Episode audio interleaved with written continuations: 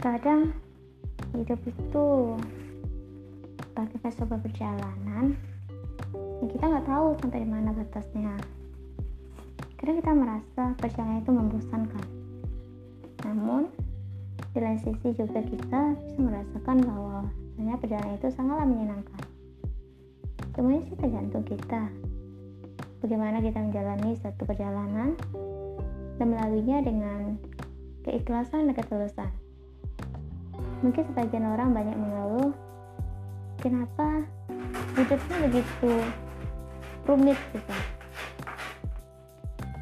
Kadang ada juga orang merasa hidupnya sudah Semua tergantung orang pribadi masing-masing untuk merasakan bagaimana serunya perjalanan kehidupan itu. Ibaratnya di mana ada pernah rumput pasti ada di sana belalang. Dan beda pernah rumput juga beda belalangnya.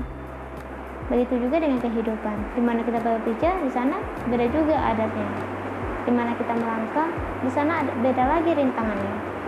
Itulah ke perjalanan kehidupan yang penuh liku namun kadang Terlalu banyak orang merasa putus asa dengan keadaan dan kondisi perjalanan saya ini.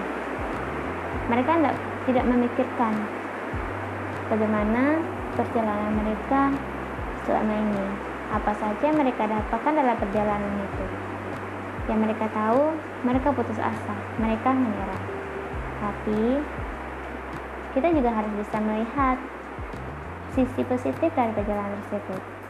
Kita juga harus bersyukur dan bisa mengambil hikmah dari setiap rintangan kita lewati.